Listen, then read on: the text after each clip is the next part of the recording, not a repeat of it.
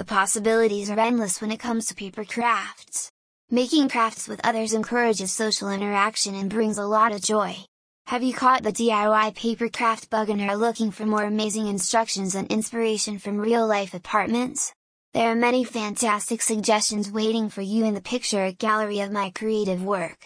Here you will discover my suggestions for art and crafts for kids at home for any occasion, as well as how to make them come to life. More innovative DIY updates may be found at https colon slash slash winota.me slash category slash artcraft slash.